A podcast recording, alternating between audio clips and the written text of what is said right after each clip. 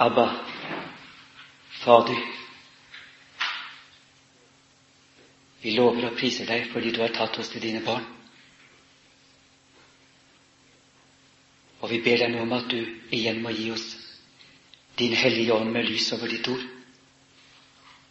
så vi kan fatte og forstå noe av dybdene i det du har gjort for oss, og hvilken sammenheng du har satt oss inn i, og hvilke muligheter du har åpnet for oss, og hvilken omsorg som står ferdig til å ta imot oss, om vi bare ville tro. Amen i Jesu navn.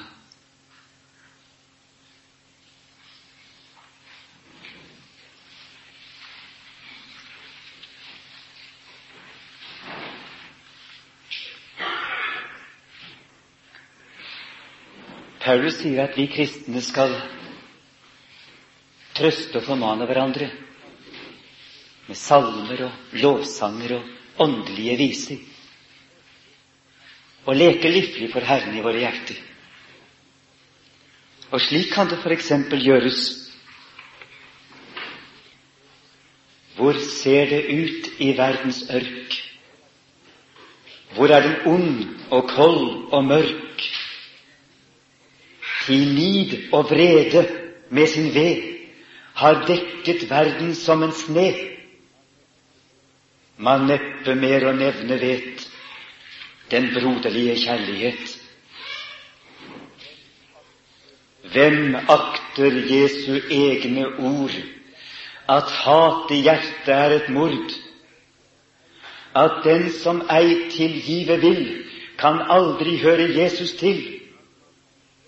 at man sin fiende sette skal i medforløste brødres tall. Dog har vår Gud et Israel som både tror og lever vel, et Gosen i Egyptens land som intet mørke skjule kan, på jorden som en lønnlig skatt, og dog et lys i verdens natt. Men dette er det tegn hvorpå de ufeilbarlig kjennes må, at de innbyrdes hver især hverandre har av hjerte kjær.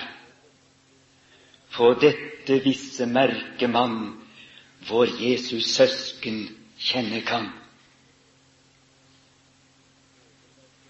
De føler vel det onde sinn, men demper det og trenger inn i kjærlighetens dyp hos Gud. Så seirer kjærlighetens bud. Og mellom dem det mer og mer i Gud en nær forening skjer. Hver gren fra Jesus har sin kraft om ikke like megen saft, som forskjell er på sted og tid, på vers erfarenhet og flid. Dog er de alle ett i Gud og følger Hans det store bud. I bygning settes sten på sten. De bliver alle som til én. De store jevnes med de små, at de mot ild og vann kan stå så samles alle fromme sinn og vies til Guds tempel inn. De sterke med de svake går. De rike med de arme står. Erfarne med lemfeldighet veileder dem som lite vet. Til allting passer sammen vel, og ondt ei setter mere skjell. Å, Jesus, du som kom her ned, at stifte fred og kjærlighet. Før frem ditt rike vidt og bredt. Forbind oss alle rett til ett. At vi med deg og dine må til evig tid i samfunn stå.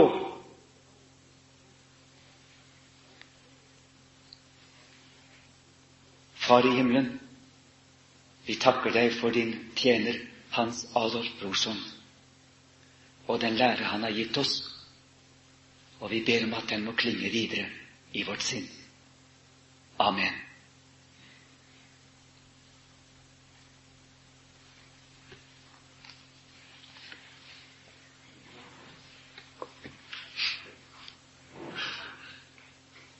Herren har lovt å gjøre det vanskelig og trangt for oss i denne verden.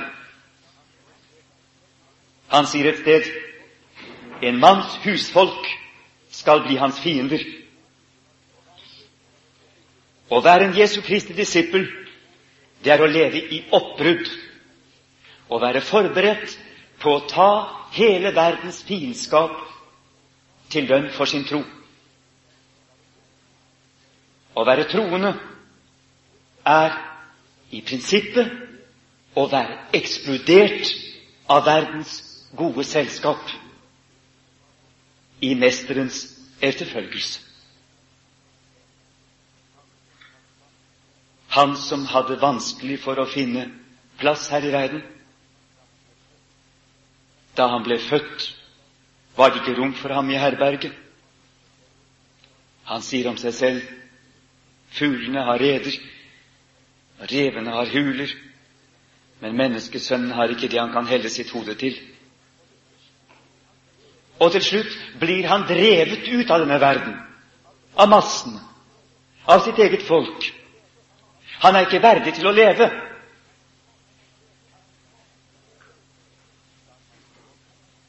Og da han hang på korset, så var det bare én som inkluderte ham. Og det var en røver som han korsfestet ved hans side. Ordets hjemløshet i verden. Ordet som noe fremmed som blir avvist. Ordet som noe ubehagelig som blir jaget på dør. Ordet som en sannhet som ikke kan tåles, er personifisert først og fremst i vår Herre og Mester og Leder Jesus Kristus, og dernest i alle hans disipler. De skal støte eder ut av sine synagoger. Ja, den tid kommer da hver den som slår eder i hjel, skal tro han gjør en Gud en tjeneste. Dette er situasjonsbeskrivelsen, slik Jesus og apostlene gir oss den. Det er det vi egentlig må regne med. Går det bedre, så er det bare en favorisering av en eller annen grunn. Eller kanskje fordi Herren vet at vi kan ikke tåle mer enn såpass vi har tålt.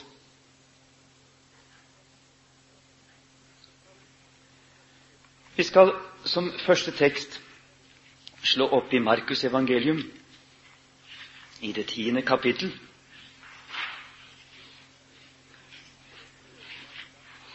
Og høre hva vi da kan regne med i denne situasjonen.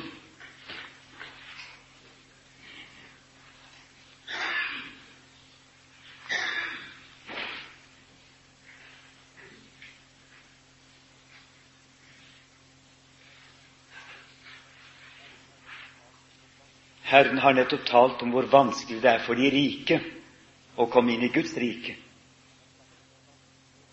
Han har sagt at det er vanskeligere for en rik å komme inn i Guds rike enn for en kamel å komme gjennom et nåløye. Og disiplene er blitt forferdet, og de spør hvem kan da bli frelst? De kjenner seg selv igjen i dette, selv om de er fattige. Så vet de hvordan de henger ved verdens trygghet og rikdom. Og Jesus svarer helt ærlig for mennesker er det umulig.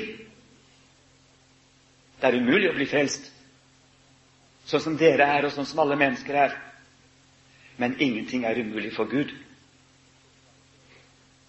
Og så svarer Peter i Markus 10, 28. Peter tok til orde og sa til ham, Se, vi har forlatt alt og fulgt deg.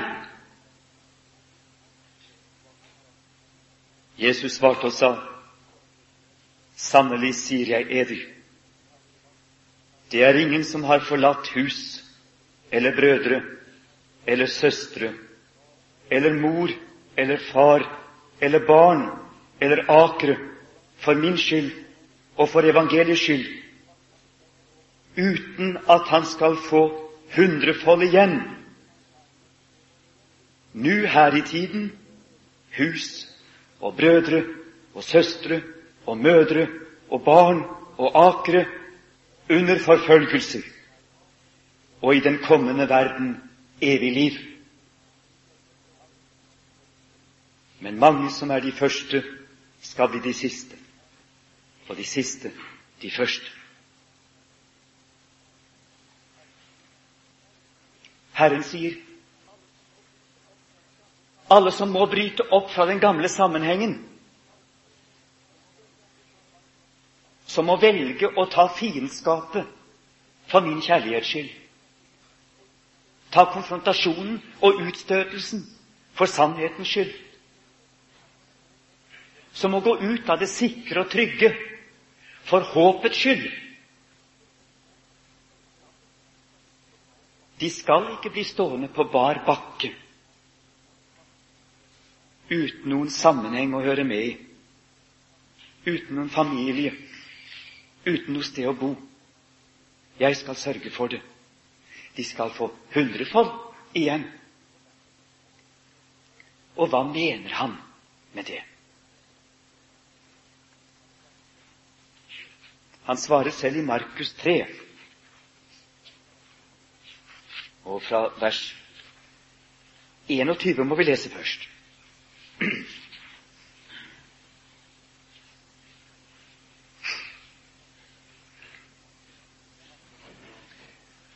Det handler om at Jesus utnevner sine disipler, sine apostler, og gir dem makt over onde ånder, og taler til folkemassene. Og da leser vi vers 21. Og da hans nærmeste fikk høre om det, gikk de hjemmefra for å få fatt på ham, for de sa han er fra seg selv.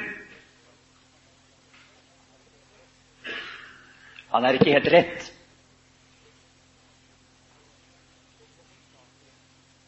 Så kommer det da en lang tale om Beelzebul, om djevelens rike som ikke kan bli stående når det kommer i strid med seg selv, og om bespottelsen mot Den hellige ånd. For de sa nemlig han er besatt av en uren ånd. Det er fariseernes anklage mot Jesus. Altså familien sier han er fra seg selv, og fiendene sier han er besatt av en uren ånd. Og så leser vi fra vers 31.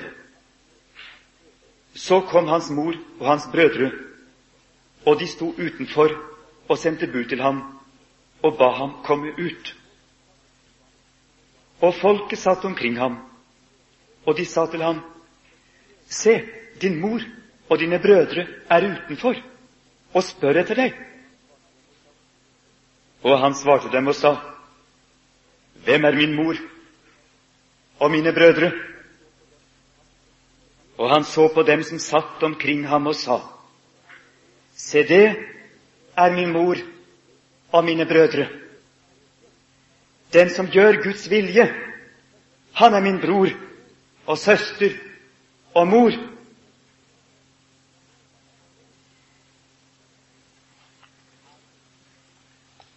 Her ser vi Guds barn, Jesus, i sitt livsrom.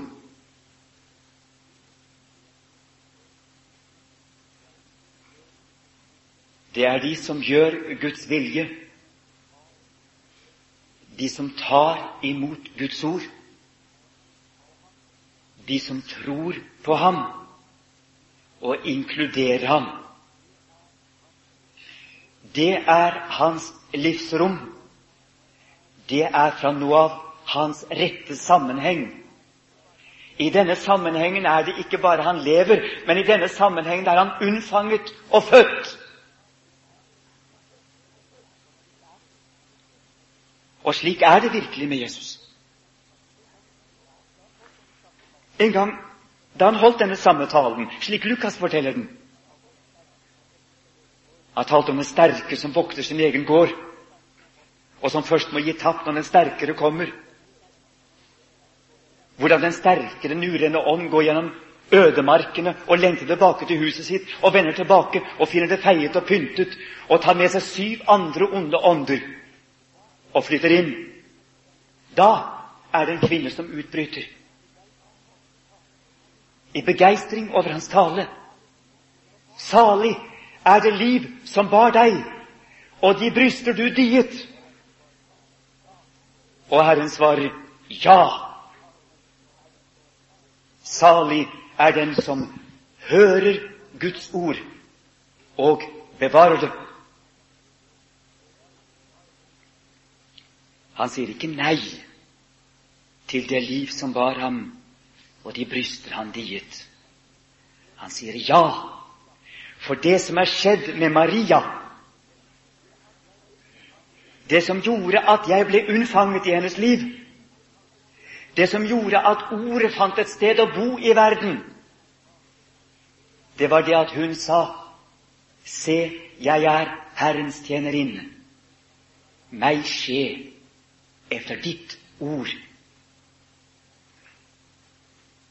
Maria ble livsrom for Guds barn fordi hun hørte Guds ord og bevarte det. Og her skjedde det åndelig og fysisk i ett.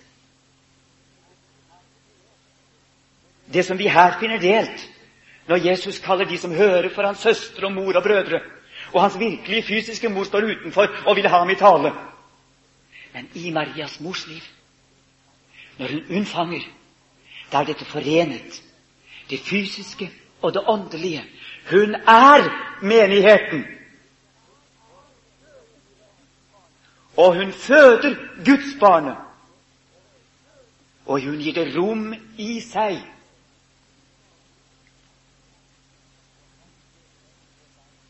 Og han trer frem i vår verden, han som vi ikke hadde plass for. Han som er Gud og menneske i en person. Guds ord i kjøtt og blod. Vår bror, som lærte oss å be Fader vår. Fordi han kom for å inkludere oss i alt det som var hans eget, om vi bare tok imot ham.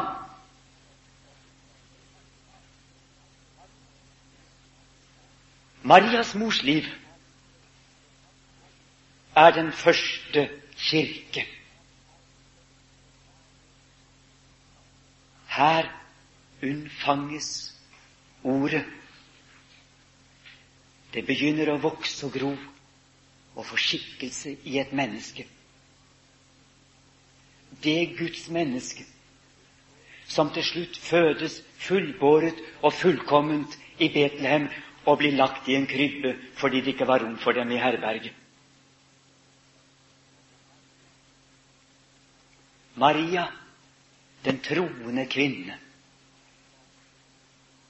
Hun er barnets livsrom de ni første månedene.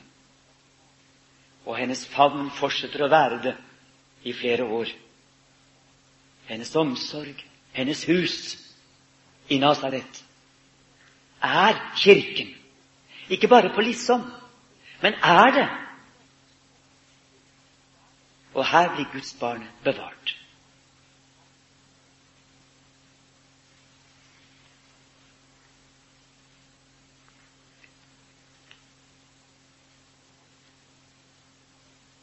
En manns husfolk skal bli hans fiender, sier Herren i Matteus 10, 26.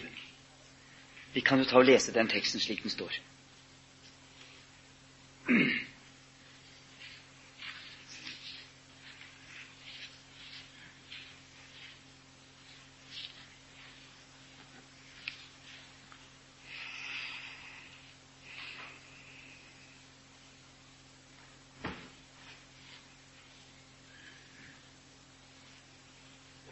Hvor skal vi begynne?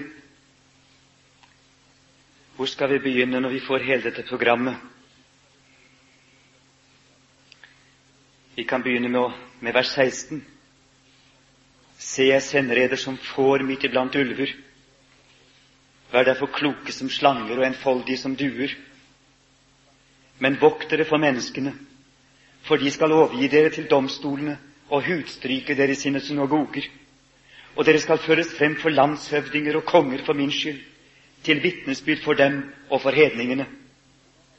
Men når de overgir eder, da vær ikke bekymret for hvorledes eller hva dere skal tale, for det skal gives dere i samme stund hva dere skal tale. For det er ikke dere som taler, men det er deres Faders ånd som taler i dere. Og bror skal overgi bror til døden, og en far sitt barn. Og barn skal reise seg mot foreldre og volde deres død. Og dere skal hates av alle for mitt navns skyld. Men den som holder ut til enden, han skal bli frelst.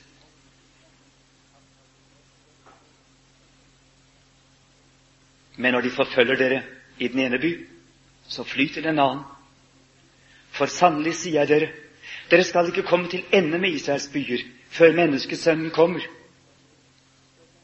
En disippel er ikke over sin mester, heller ikke en tjener over sin herre. Det er nok for disippelen at han blir som sin mester, og tjeneren som sin herre har de kalt husbånd Beelzebul, hvor meget mer da hans husfolk. Frykt derfor ikke for dem, for intet er skjult som ikke skal bli åpenbaret, og intet er dulgt som ikke skal bli kjent.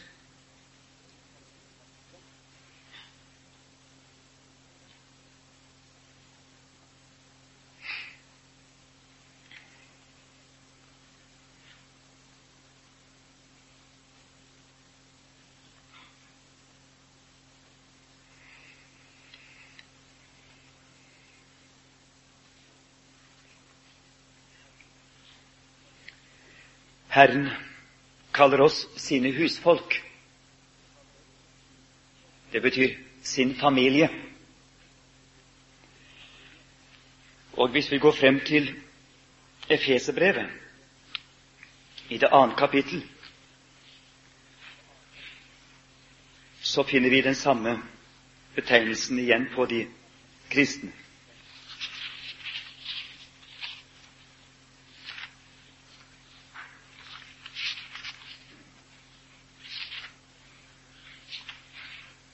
I Efeserbrevet.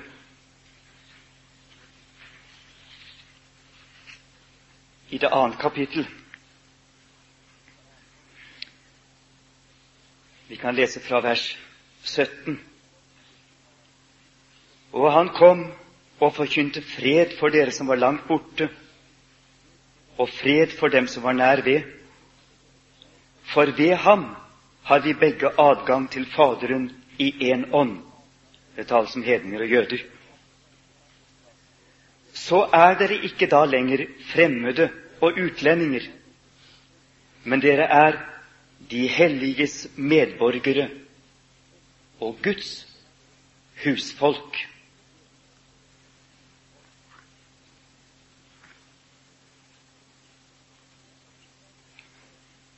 I det fellesskapet som skapes omkring Kristus, når folket, når menneskene, hører Guds ord, tar imot det og bevarer det.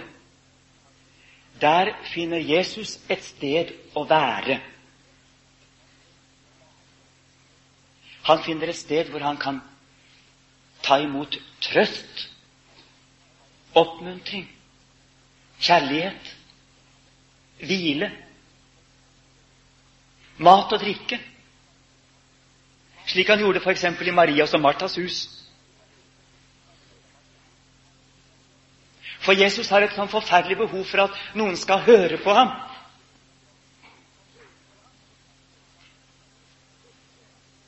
Martha var travel og ville gjerne servere ham det beste hun hadde. Men da Jesus var mett, så hadde han ikke bruk for mer av det. Men han hadde bruk for at noen satt og hørte på ham For han hadde så mye på hjertet, og det var så viktig å få det ut. Det var så viktig å få sagt det. Og derfor var det Maria som gjorde ham en velgjerning. Hun satt stille og hørte på det han hadde å si. Maria har valgt den gode del. Og Jeg tror vi et øyeblikk skal se det slik, ikke bare som Herren som den som gir, og vi som tar imot, men se det fra Herrens side. Han har så mye på hjertet, og han er så takknemlig når noen vil høre. Det er grunnlaget for fellesskapet mellom ham og oss. Maria, som satt og hørte, gjorde en barmhjertighetsgjerning mot ham. Hun var som en mor for ham.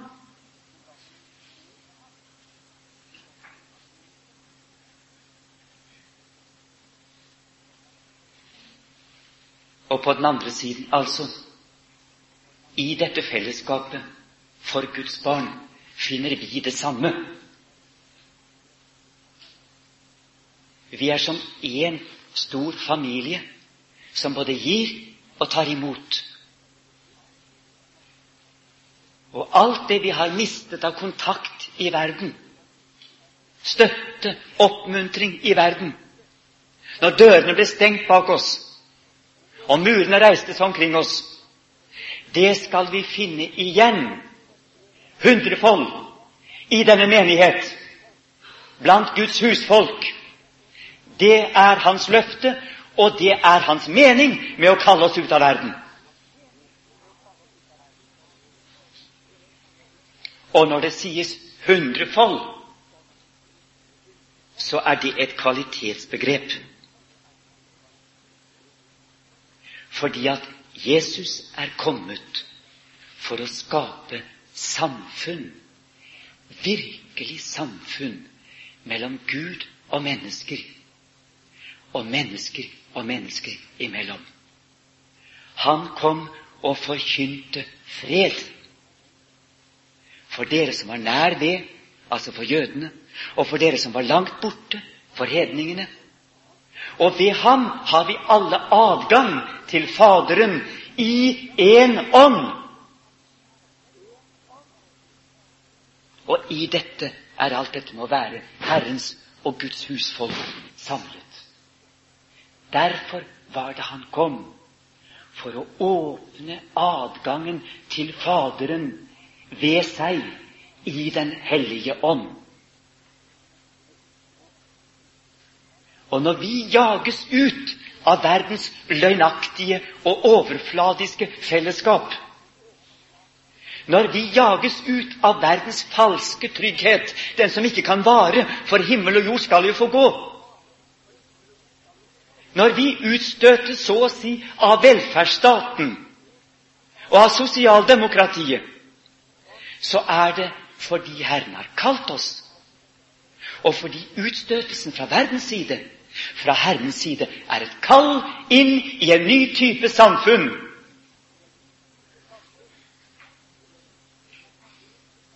Det virkelige samfunnet som Jesus Kristus har etablert mellom Gud og mennesker, og sine medmennesker imellom. Sine søstre og brødre. Og det er meningen med det hele.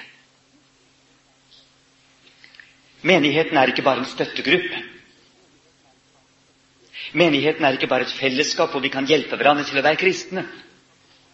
Menigheten er selve meningen med det hele. Gud vil samfunn. Gud vil familie. Gud vil menneskeheten som sitt husfolk.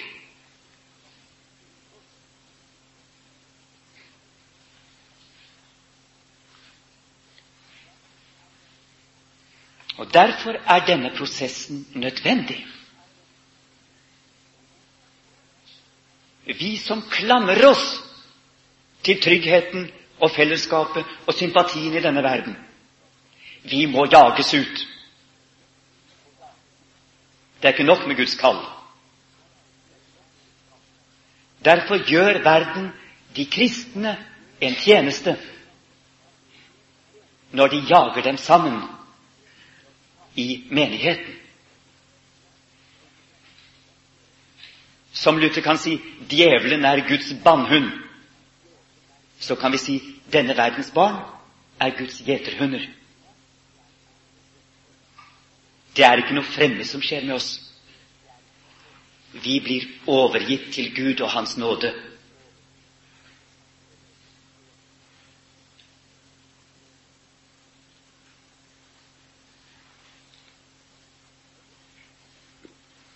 Når det skjer, da blir menigheten noe uendelig stort for oss. Den nye familien den nye sammenhengen. Alt det vi har mistet, får vi hundrefold igjen i det troende fellesskap blant søstre og brødre som er i samme situasjon.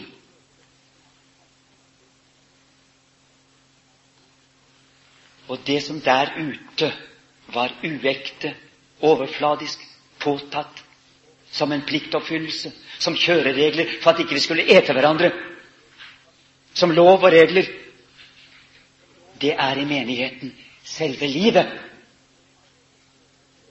Fordi vi alle er samlet omkring Han som levde for oss og døde for oss og sto opp for oss og ga seg selv for oss. I menigheten er vi samlet omkring Hans bord, hvor Han deler seg selv ut og gjør seg totalt til ett med oss. og gjør oss til ett med seg som fremmede og utlendinger i verden. Som Guds nye paktsfolk, kalt ut av Egypten, jaget ut av Egypten, ut i det som verden kaller ørken. Og han fører oss med manna og med levende vann av klippen. Der er forbildet.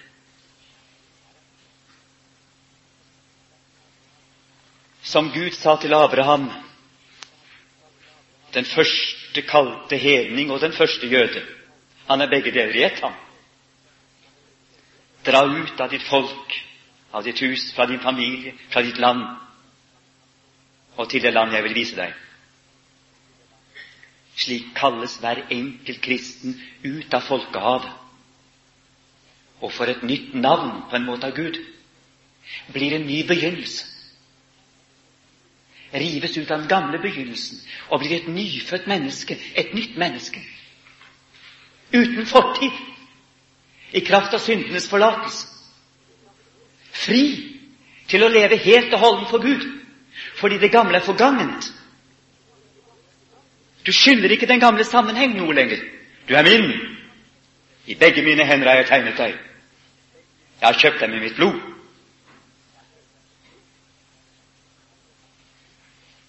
Det er det som verden gjenkjenner når den jager oss ut. Fremmedelementet. Fremmedarbeideren. Som ikke er lojal mot oss og våre målsetninger, men som motarbeider oss med sin holdning og sine tanker. Som tror på et rike som kommer, som skal legge vårt rike i grus. som tror på en Gud som har andre tanker enn våre planer, som har andre prioriteringer enn oss, som sier at barnet skal leve når vi sier det skal dø, som lærer menneskene å leve på et sinnssvakt håp til en som kommer og skal rydde opp. Det er menigheten.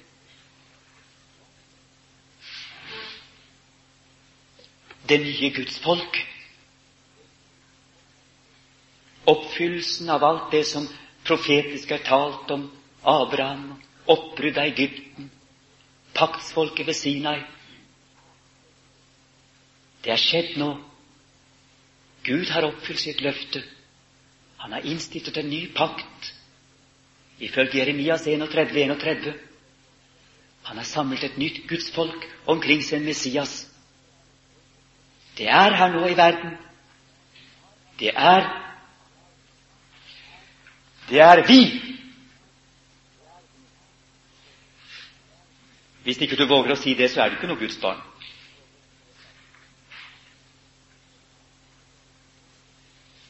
Det heter ikke 'jeg' noe lenger. Det heter 'vi'. Det heter ikke 'min far, du som er i himmelen', men det heter 'vår far'. Gud vil fellesskap. Gud vil menighet. Og her skal vi få leve og ånde fritt og legge frem alt det vi har på hjertet, og regne med at vi blir hørt fordi vi er elsket for Jesus skyld.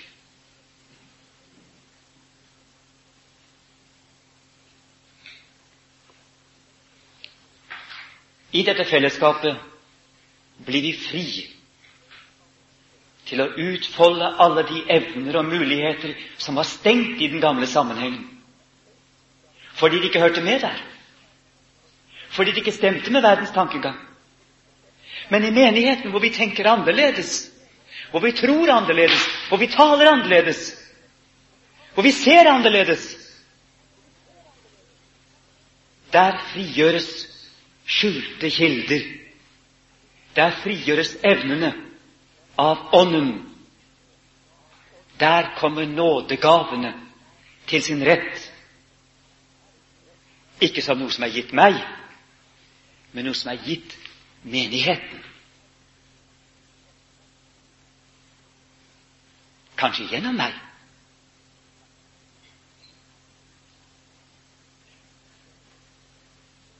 Menigheten blir da som et legeme, som Paulus sier. Eller et hus som bygges opp av levende stener. Og hver eneste sten hører med. Og hver eneste gave er en tjeneste. Og ordet som forkynnes, skal forløse disse tjenestene og istandgjøre menigheten til denne tjenestegjerning, for at den skal kunne være i verden det Gud vil, som en by som ligger på et fjell, som et lys i staken, som et vitnesbyrd om at Gud lever, og at Herren kommer.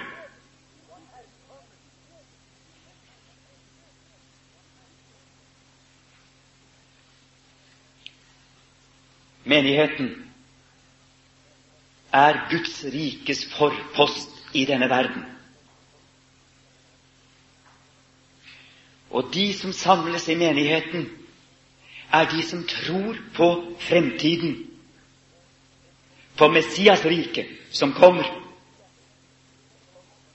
Som tror på at en gang så skal det som menigheten holder fast i tro og forsøker å virkeliggjøre i svakhet, at en gang skal dette være den lov som skal herske over hele jorden. Når Herren kommer med sitt fredsrike. Og derfor er vi kalt ut, fordi vi har hørt ordet om Han som kommer for å opprette fred, rettferdighet, samfunn, kjærlighet, helhet, shalom i denne verden. Og den nye pakts folk, som er grunnlagt på hans blod, lever i pakt med det som kommer, og ikke med det som forgår. Og Derfor blir vår eksistens så absurd for verden og i denne verden.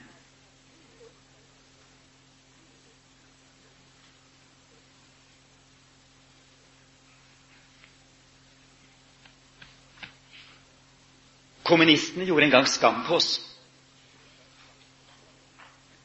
Deres radikale kommissærer, som var til stede overalt i Europa, de levde totalt i pakt med det riket de visste måtte komme, i kraft av den marxistiske historiefilosofi.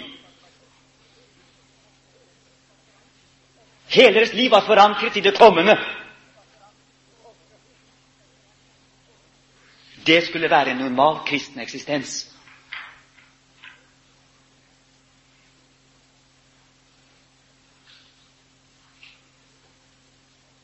Og det medfører alt det som nå har vært nevnt, og mer til. Det medfører også mot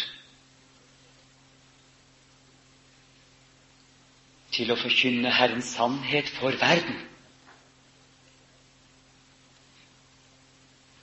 Til å forkynne at denne verden forgår, og at ingen av denne verdens planer og løsninger kan bestå og at det bare er kjærlighetens logikk som gjelder når det virkelig gjelder.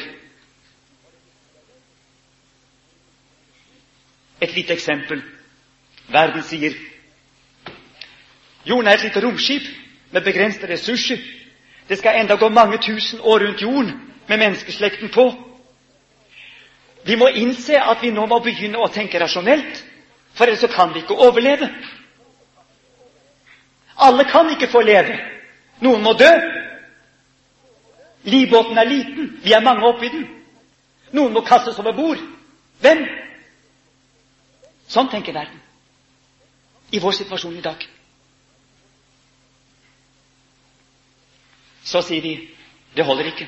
Det er ikke sant at verden skal gå rundt jorda mange tusen år til. Herren kommer. Det nytter å holde ut. Vi kaster ingen over bord. Her gjelder det bare en liten stund. Vi hører at Herren roper til oss gjennom tåken, gjennom stormen. Hold ut! Vi tar vare på alle fordi vi tror på Herren, som har befalt oss å gjøre det. Ikke å rette oss etter denne verdens prognoser, men etter Hans ord. Det er et lite eksempel. Vi kaster ikke noen ut av livbåten, for vi tror at vi er nær ved land. Og denne type logikk den gjør seg gjeldende der hvor det fins en sann kristen menighet. Også i forholdet seg imellom. Den tror at Herren kan. Selv om det er umulig for mennesker, så er ingenting umulig for Gud. Herren kan åpne mellom meg og min bror. Kristi kjærlighet kan overvinne disse misforståelsene som holder på å ødelegge enheten i menigheten. Kristus kan. Kjærligheten seiler. Det er det vi tror. I alle forhold. Også når det gjelder barna i mors liv. Tror på den kjærlighet som var i stand til å overvinne all min synd, all min ugudelighet, all min skyld, ja, Guds egen dom på korset. Skulle ikke den kunne overvinne mitt hårde og min søsters og min brors hårehjerte. Hvis den bare blir prøvet. Vi satser alt på den. Slik lever vi i kjærlighetens livsrom. Og egentlig lever vi der som hjelpeløse barn i mors mage. For hva kan vi? Uten meg kan jeg intet gjøre. Vi lever der som de som er totalt under Guds omsorg. Totalt hjelpeløse i oss selv. Totalt avhengig av Gud. På deg er jeg kastet fra mors liv.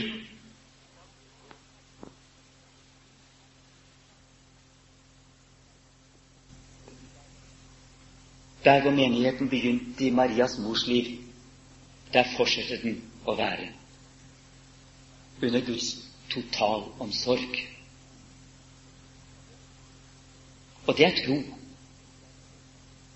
Det er livet i tro. Vi blir båret uten at de blir som små barn, kommer de ingenlunde inn i himlenes rike. Vi er slike som blir båret på armen og i maven.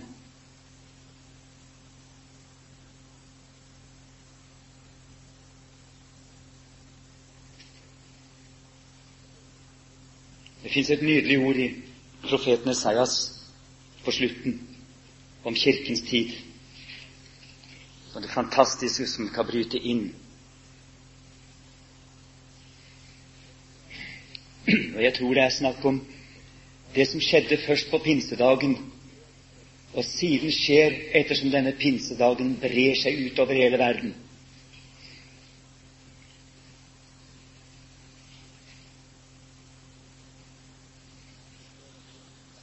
Det står om Jerusalem, som egentlig ikke heller er noe annet enn Maria.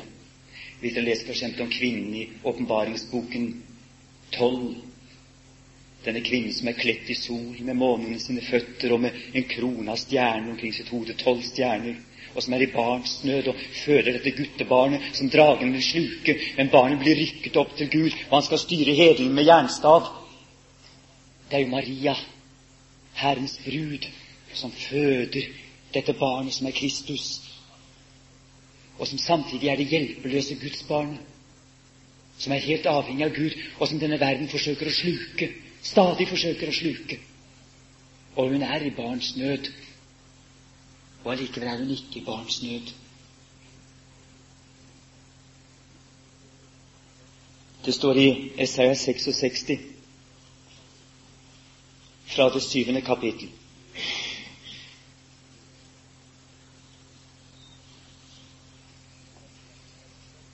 om hvordan det skal gå oss.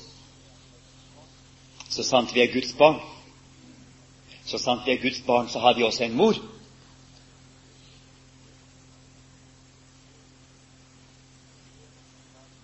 Før hun var i barns nød, har hun født. Før smerten kom over henne, har hun brakt et guttebarn til verden. Hvem har hørt sådant? Hvem har sett sådanne ting? Kommer et land til verden på én dag? Eller fødes et folk på én gang? For Sion har vært i barns nød, og med det samme født sine sønner. Skulle jeg åpne modermunnen og ikke la føde, sier Herren? Eller skulle jeg som lar føde, tillukke den, sier din Gud? Gled eder med Jerusalem og jubel over henne, alle i som elsker henne. Fryd eder høylig over henne, alle i som sørger over henne, for at de må die og mettes av hennes husvalne bryst, for at de må suge og få lysteder ved hennes herlighetsfylde. For så sier Herren, se, jeg bøyer fred til henne som en flod, og hedningenes herlighet som en overstrømmende bekk, og i skal die. På armen skal de bæres, og på knærne skal de kjærtegnes som en mor, som en hvem hans mor trøster. Således vil jeg trøste eder, og i Jerusalem skal de trøstes.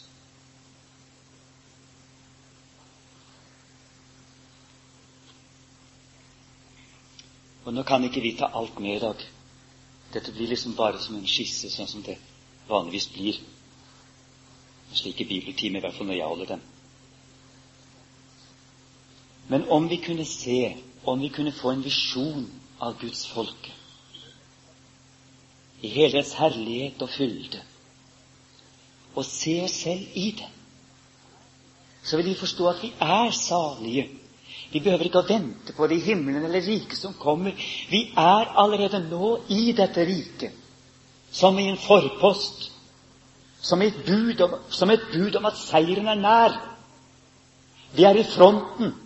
Og det er en ære for Guds barn.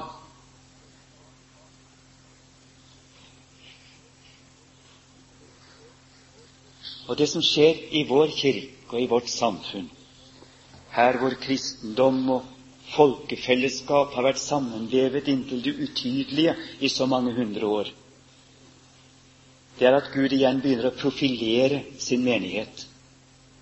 Gjør det vanskelig for å kalle dem ut til å være det de egentlig skulle være.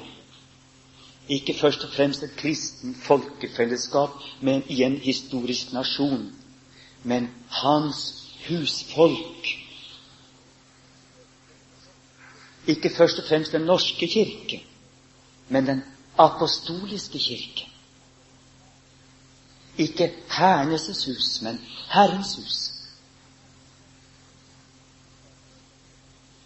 bare for å nevne et aktuelt navn på et menneske som er elsket like høyt av Gud som oss. Men vi er kalt ut i denne siste tid for å bære vitnesbyrd om det riket som kommer.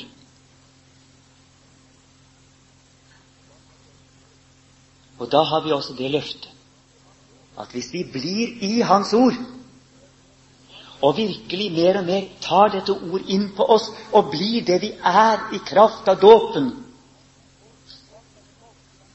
i kraft av det måltid han samler oss omkring, i kraft av hans utvelgelse Dersom vi blir i mitt ord, da er i sannhet mine disipler, og sannheten skal frigjøre eder.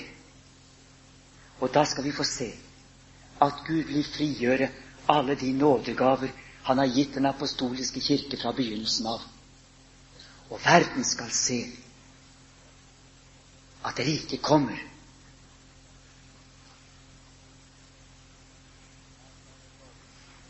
Ære være Faderen og Sønnen og Den hellige ånd, som var og er og blir en sann Gud fra evighet og til evighet.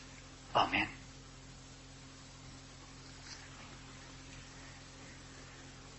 Jeg tror det er veldig viktig at vi opptrer enkelt og enfoldig som barn i en sånn situasjon. Vi må tenke på det rådet som, som eh, gamle rabbi Rashi fra middelalderen ga, ga sine medtroende jøder. Når spørsmålet kom inn på dette med å ete svinekjøtt, så sa han at hvis du kommer i huset til en hedning, og han byr deg svinekjøtt, så skal si, så skal du ikke si 'Æsj, nei, fy, nei, jeg kunne aldri tenke meg å spise svinekjøtt'. Du skal ikke si det, sier han. Du skal si ja, svinekjøtt er sikkert godt. Jeg kunne godt tenke meg å smake det. for det er sikkert veldig godt. Men du skjønner det at Herren har forbudt meg å spise det. Så jeg, jeg må dessverre stå over. Sånn skal du ta det, sier han. Du skal ikke, du skal ikke liksom blåse deg opp og liksom gjøre det så avskyelig, dette her, for det, det, det mener du ikke allikevel, på sett og vis. Men det du mener, er at Herren har sagt det, og derfor må du holde deg borte fra det. Jeg syns han gjør det på en veldig fin måte. Det kan sikkert være mange positive ting med svinekjøtt. og Det kan kanskje sikkert også være veldig mange positive ting å si om kvinnelige prester. Og hun er sikkert et veldig bra menneske og kanskje ikke forkynner veldig godt, men problemet mitt er det og det. Jeg tror vi må ta det slik. Men selvfølgelig blir du, blir du så å si overrasket eller føler deg på en måte voldtatt i en gudstjeneste når det kommer en dame inn og du ikke visste det, så har du i første omgang ikke noe annet å gjøre selvfølgelig enn bare å komme deg ut. Men det kan jo være så mange grunner til at du går ut. Så jeg tror vi må ta det på den måten og i forsonlighet og kjærlighet vise at dette er ikke noe som er kommet opp Det stammer ikke fra vårt kjød.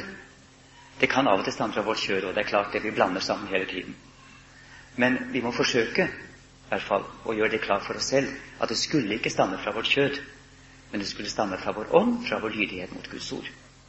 Og da kan vi være milde mot alle mennesker på sånn grunnlag. Når det gjelder anklagen at man forhindrer vekkelse, så, syns jeg alltid det er veldig at hvis mennesker skal tro at de er i stand til å analysere hva det er som hindrer vekkelse, så syns jeg at det egentlig er å gå veldig langt. Jeg tror vi kan ikke respektere en slik analyse. Det, hele Den norske kirke spør seg jo hvorfor ikke det blir vekkelse. Er det ikke den ene årsaken, så er det den andre årsaken. Men enda har ingen virkelig funnet årsaken. Som selvfølgelig må ligge i det at vi, som Guds folk, trenger en ny oppvekkelse. Det er der det må begynne. Og det kan ikke begynne uten at vi virkelig hører Guds ord og bevarer det tror jeg. Men anklagen er alvorlig. selvfølgelig. Vi har møtt den i Balsfjord også. Gang på gang. Vi splitter menigheten, og vi ødelegger menighetens arbeid og slike ting. Og vi har da, forsøker da med saktmodighet å svare at, at vi ligger ikke i krig med den lokale menighet. Vi forkynner det samme ord, håper vi, og vi, det samme evangelium. Men det som i det ytre har påført oss splittelse, det er jo statens måte å handsame en bekjennelsessak på. Det er, det er de samme menneskene som dreper barn i mors liv som også har påført oss denne splittelsen. Sånn forsøker vi å si det. Og at det gjør oss like ondt som dem, men at det er en smerte som jeg tror vi må bære, fordi den er kommet over oss på grunn av at noen har forsøkt å bekjenne. Men jeg tror med saktmodighet må vi svare slike ting som gjelder oss selv. Der må vi være veldig, veldig saktmodige. Det står om Moses, han som forvaltet Guds lov kraftigere enn noen, at han var saktmodigere enn noen mennesker på jorden. Det det kan altså forenes på kraft og styrke. Og i virkeligheten så viser det jo kraft og styrke når vi er saktmodige.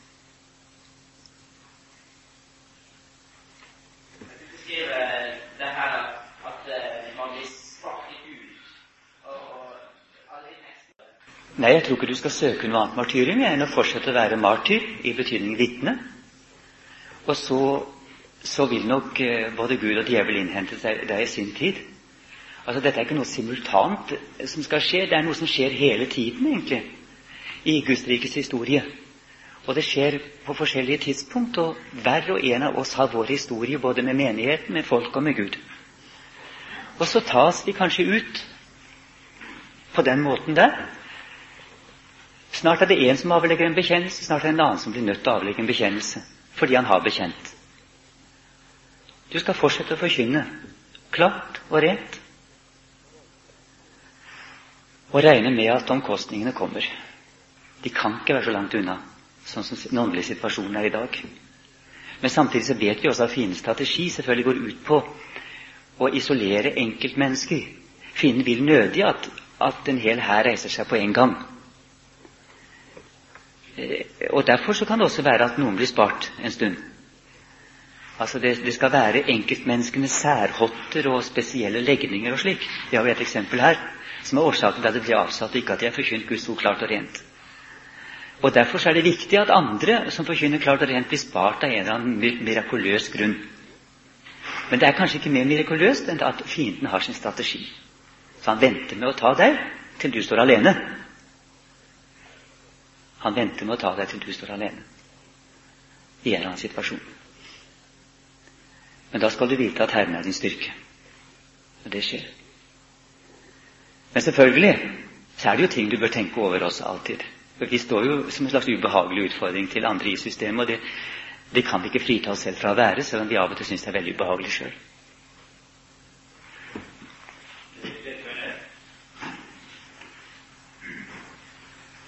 Du nevnte noe om at Gud i denne tiden profilerer sin menighet. Da kan vi også tenke på den første kristne menighet. Og jeg tenker også da på hvordan, hvordan de levde i verden. Eh, de hadde sine yrker ikke sant, i verden, men det var visse ting som de kristne ikke kunne gjøre fordi de hørte den kristne menighet til. Og tror du ikke også i dag at dette kommer igjen når Gud profilerer sin menighet, at det er vanskelig å være i mange såkalte vanlige kvinnen i dag? Personlig syns jeg det har vært vanskelig å være i skolen. Jeg har vært i ungdomsskolen det siste året. Der får du lagt i hendene bøker som du for din samvittighets skyld ikke kan bruke. Hva så?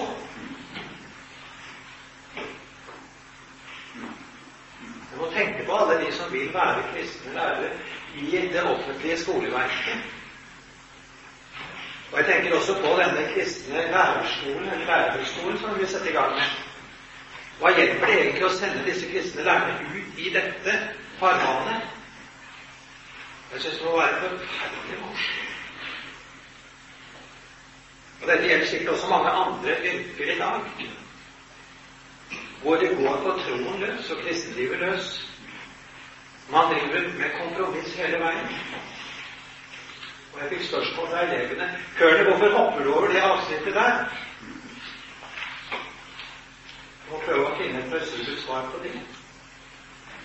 Det våkner disse ungdommene på sånne ting.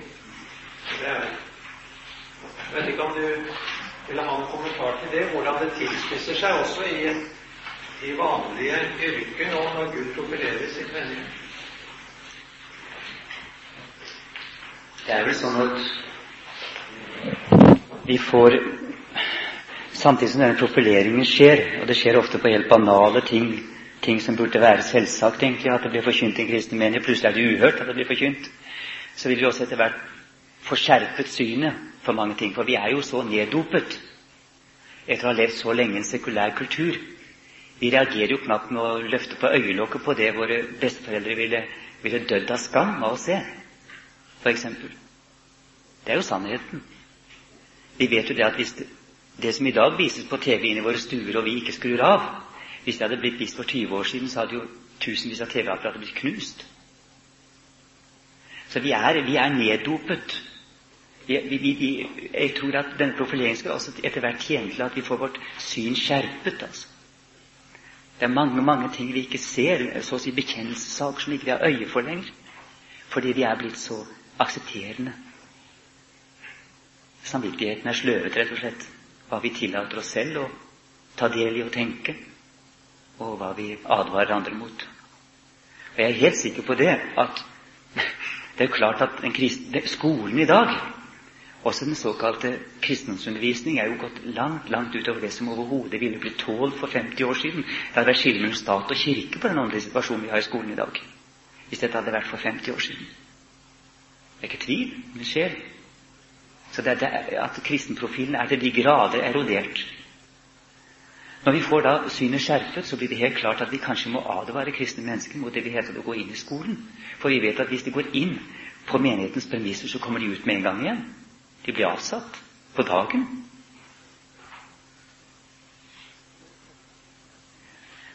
Så, og det kan tenkes at det finnes mange andre sammenhenger. Vi vet jo at i ukristendommen så var det sånn at man regnet med at det var mange yrker som kristne ikke kunne være med på. F.eks. hvis de var skuespillere og ble omvendt så sto de uten levebrød. Og vi vet at romermenigheten satte slike mennesker på pensjon. De ga dem arbeidsløshetstrygd inntil de klarte å finne et annet arbeid som kunne forsvares med kristennavnet i behold. Så slik viste også urmenigheten en helt konkret økonomisk omsorg for dem som kom i den situasjonen at ikke de kunne arbeide lenger for, i en jobb fordi de var blitt kristne. Og slik bør det jo bli igjen vi som faktisk levd i Sodoma og Gomorra. En dag kommer vi til å se det klart. Vi lever i Sodoma og Gomorra.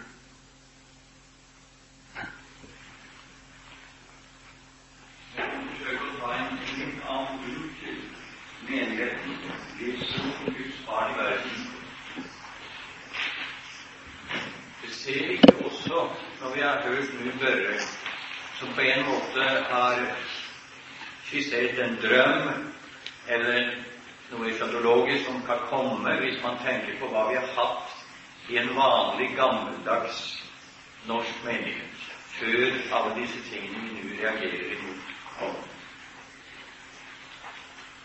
Det skulle ikke en menighet være et sted hvor vi bare ikke, hvor vi først fikk den mat og næring vi trengte, så den opplæring av alle jeg tenker på bruken av nådegavene, at det skulle også være et sted hvor man ble trent i helliggjørelse.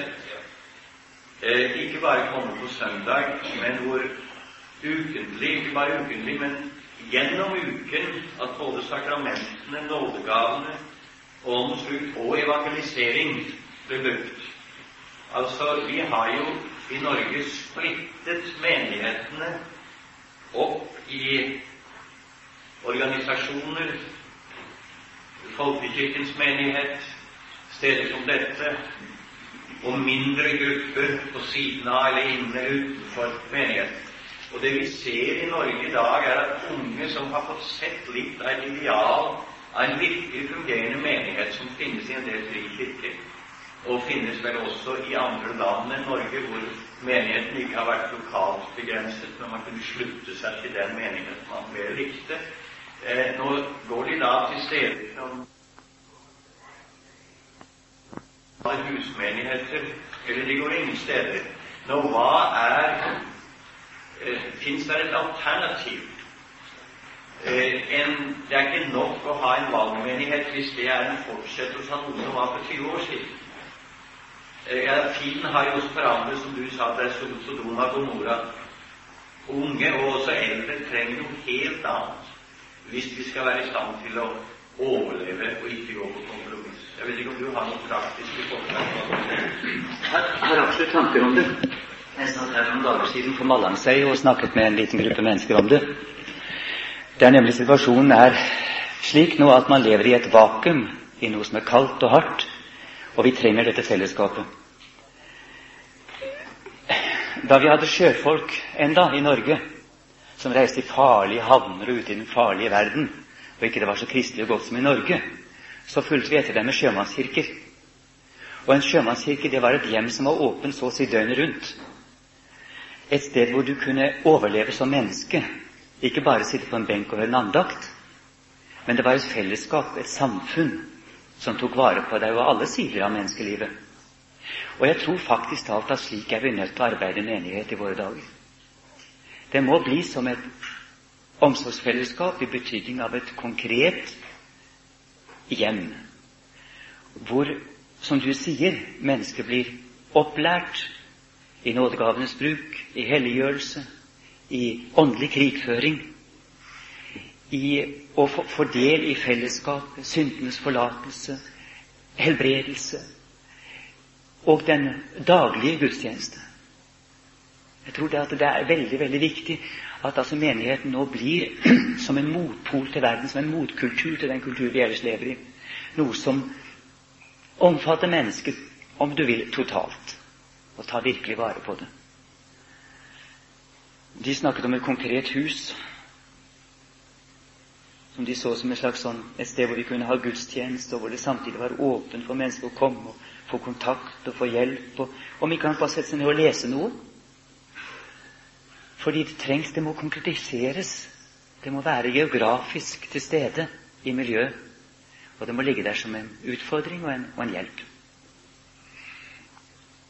Så jeg tror kristensentrene har grepet noe. Vi kan se visjonen av at vi bygger opp en menighet omkring den sakramentale struktur. Altså Du har en menighet hvor døpefonten står ved inngangen og minner om at dåpen er inngangen til Guds hus. Du har et rom som symboliserer Guds folk, omsorgsfellesskapet. Du har et bord som står der som Herrens offer for våre synder, og hvor vi daglig tar imot dette offer for våre synder til syndenes forlatelse. Altså dette, dette rommet, der må vi leve, for det er det som egentlig gjør oss til menighet. Altså Guds, definisjon av oss, som vi mottar gjerne daglig. Og så går vi da ut dørene og utvider dette fellesskapet også til andre områder av menneskelivet. Vi omsetter nestekjærligheten i praksis på forskjellige måter i de ytre rommene, om dere vil. Vi kan jo tenke oss dette, vi kunne så å si bygge det opp som en slags sånn, eh, sånn, et slags sånn eh, en struktur. Og vise liksom hvordan dette her fungerer som et rom, og samtidig selvfølgelig må dette overføres åndelig. Men jeg tror det er helt nødvendig, altså at eh, menigheten igjen blir et sånt legeme hvor vi er forpliktet på hverandre, egentlig døgnet rundt.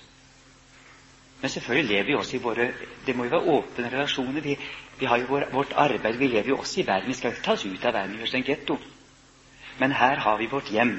Og dette hjemmet kan godt struktureres helt synlig som et hus, slik også de første kristne ganske snart gjorde det. Altså en modell av en veldig gammel gammel palestinensk eh, kirke, hvor de til og med hadde bakeri i kirken. Og de hadde vinkjeller, selvfølgelig. og de hadde, de hadde liksom, Det var liksom som et Ja, det var som et, et, et, et hjem, på en måte. Og du hadde en foregård hvor man samles og er sammen omtrent til et haveselskap. Du har liksom hele At man tar vare på menneskeligheten i alle aspekter, altså, rett og slett. Og, ikke, og, og aller mest at de blir styrket, opplært, dyktiggjort til tjenestegjerning og til kamp, troens gode strid.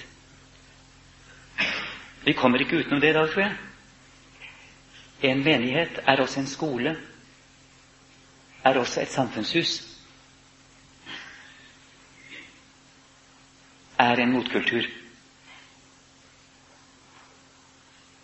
Er et sted hvor barn kan vokse opp og bli styrket i sin identitet som Guds barn. Det er kanskje det det syvende og sist går ut på. Et hjem hvor barn kan vokse opp og bli styrket i sin identitet som Guds barn. Men Det er farlig med prosjekter, men vi kan arbeide på slike tanker. Vi burde hatt et sånt senter i Oslo.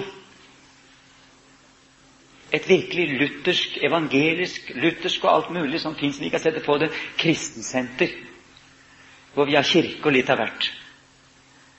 Problemet er bare at vi må ikke bli for store. Vi må ikke bli for um, For um, Det må ikke bli for mye penger, tror jeg. Det er viktig. Det er det viktige også. Vi måtte tenke litt. Kanskje vi kunne ta, overta Oslo sjømannskirke eller noe? Gjøre det til en sjømannskirke for seilere på livets hav. For det er jo det vi trenger.